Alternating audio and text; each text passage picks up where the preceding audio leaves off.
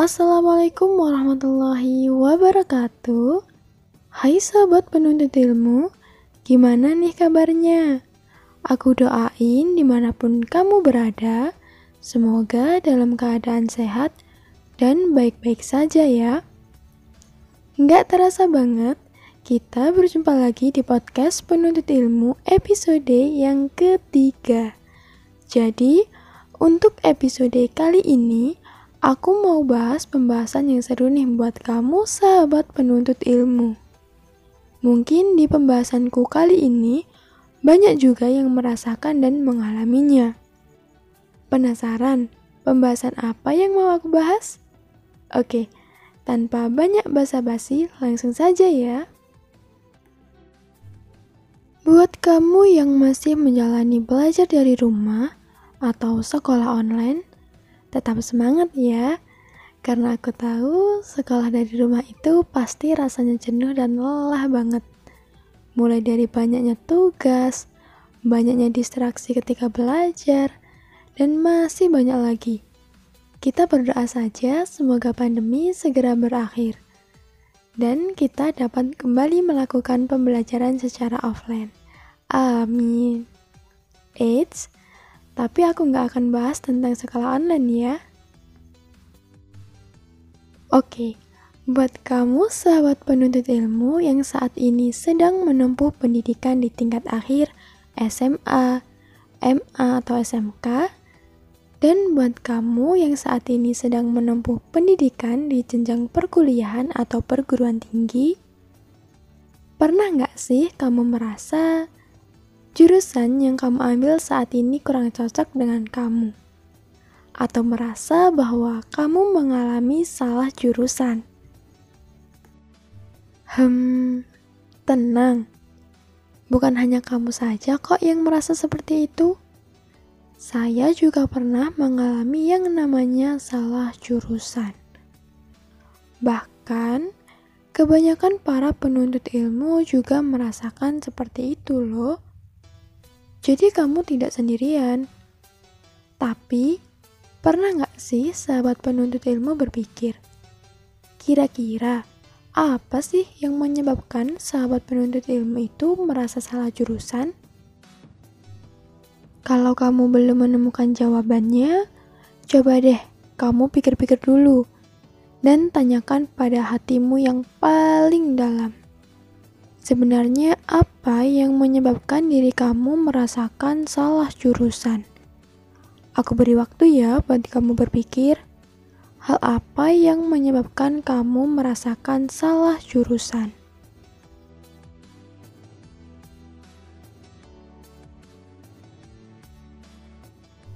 Sudah menemukan alasannya? Dari yang aku alami dan aku jumpai, Kebanyakan alasannya itu karena jurusan yang diambil tidak sesuai dengan minat atau passion. Masuk jurusan karena terpaksa, masuk jurusan pilihan orang tua, masuk jurusan yang gak disukai demi masuk ke universitas bergengsi. Dan mungkin masih banyak sekali alasan-alasan yang lain. Setelah merasakan bahwa kamu salah jurusan, pernah nggak terbesit di pikiran kamu untuk pindah jurusan? Kalau jawabannya iya, coba deh tanya lagi ke diri kamu, apakah memang perlu harus pindah jurusan? Memang benar, kamu yang sekarang merasa salah jurusan kuliah mungkin dalam menjalani perkuliahan kamu setengah hati belajar jadi setengah-setengah, motivasi yang lebih rendah untuk berprestasi, dan banyak dampak lainnya. Akhirnya, kamu berpikir untuk pindah jurusan dan berharap nanti kalau sudah masuk ke jurusan yang kamu inginkan, kamu akan lebih rajin, semangat, dan dengan lebih niat dalam menjalani perkuliahan. Tapi keputusan untuk pindah jurusan seberapa bisa dipertanggungjawabkan sih? Apakah dengan pindah jurusan bisa membuat kamu menjadi lebih baik? Atau jangan-jangan saat kamu sudah beneran pindah jurusan, kamu merasa bahwa apa yang kamu dapat di jurusan itu tidak sesuai dengan minat kamu lagi, dan kamu malah merasa lebih cocok dengan jurusan yang kamu ambil sebelumnya. Wah, kalau gini jadi bikin dilema dong. Memutuskan untuk pindah jurusan bukan hal mudah dan perlu dipikirin matang-matang.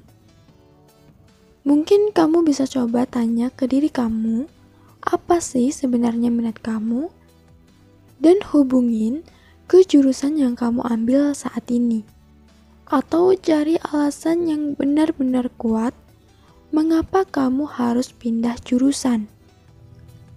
Buat kamu yang masih bingung, saya akui bahwa memilih jurusan itu tidaklah gampang dan perlu banyak sekali pertimbangan. Sedikit cerita dari saya, dulu sewaktu lulus SMK, saya mengalami dilema dalam memilih jurusan antara pilih matematika atau seni.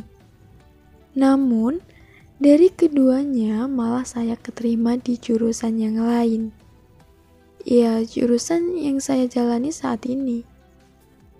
Multimedia Broadcasting. Sempat merasa salah jurusan juga ketika semester awal dan sampai awal semester 3 ini. Dikarenakan di jurusan ini, ilmu seni tidak saya dapatkan secara dalam.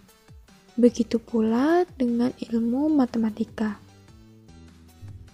Sempat terbesit di pikiran saya bahwa saya ingin pindah jurusan namun setelah saya berpikir panjang,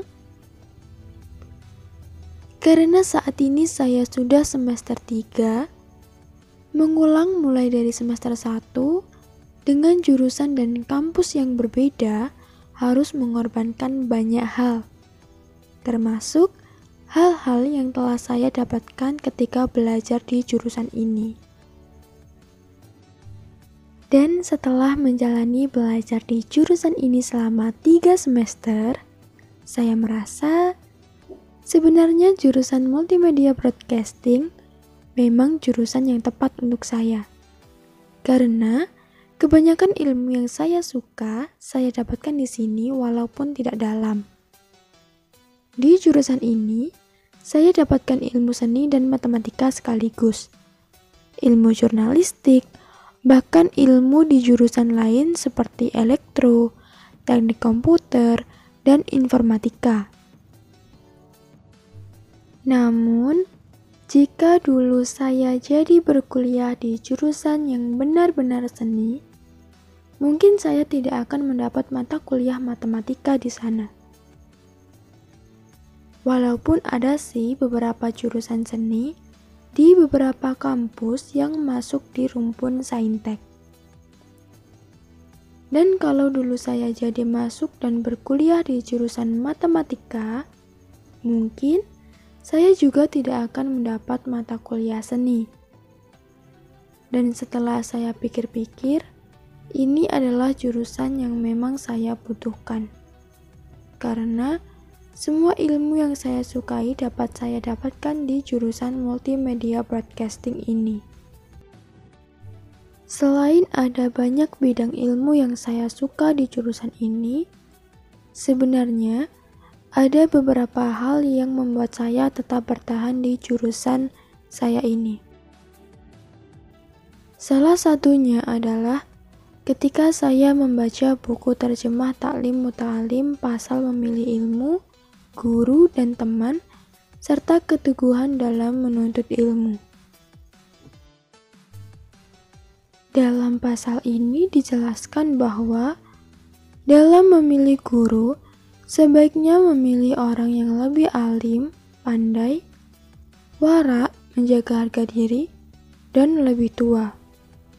Dan kita perlu bermusyawarah dalam menuntut ilmu. Contohnya adalah bermusyawarah untuk mencari guru yang tepat. Jadi saya bacakan saja ya isi dari buku terjemah taklim dan semoga sahabat penuntut ilmu bisa mengambil pelajaran.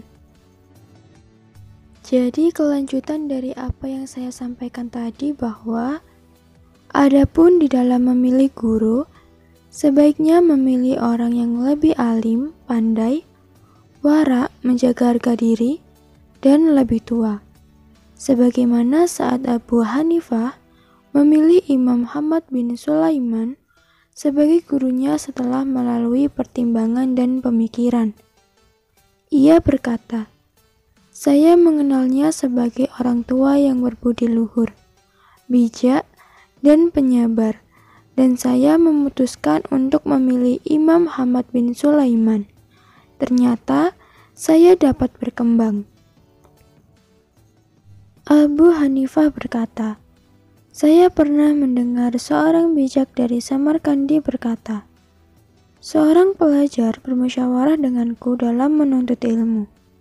Sementara ia sendiri sudah punya niatan untuk belajar mencari ilmu ke daerah Bukhara.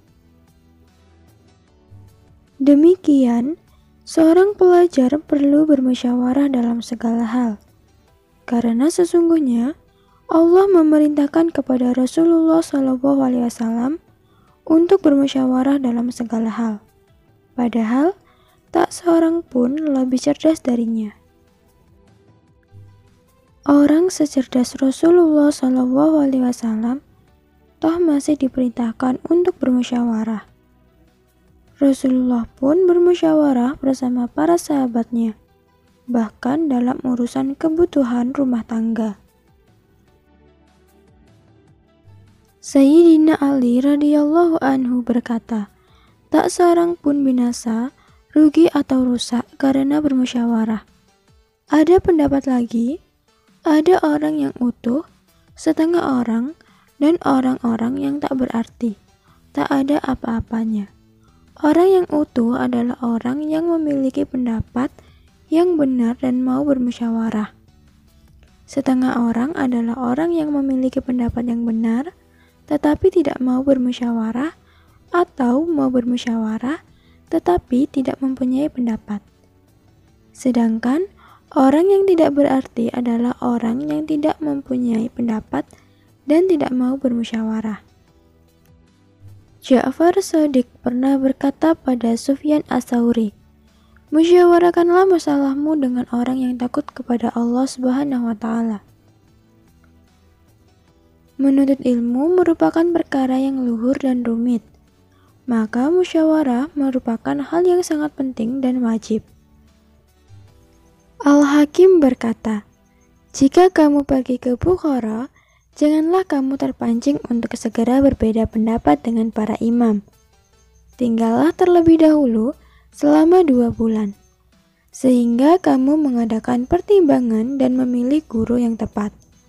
Karena Bila kamu pergi kepada seorang yang alim dan memulai belajar kepadanya, bisa jadi kamu tidak tertarik pada cara mengajarnya. Kamu akan meninggalkannya dan pergi kepada orang lain, maka tidak akan mendapat berkah dalam belajar. Pertimbangkanlah dalam dua bulan dan bermusyawarahlah dalam memilih guru agar kamu tidak perlu meninggalkannya dan berpaling darinya, sehingga kamu dapat bertahan di sisinya sampai belajarmu mendapat berkah dan kamu dapat mengambil manfaat ilmumu dengan optimal.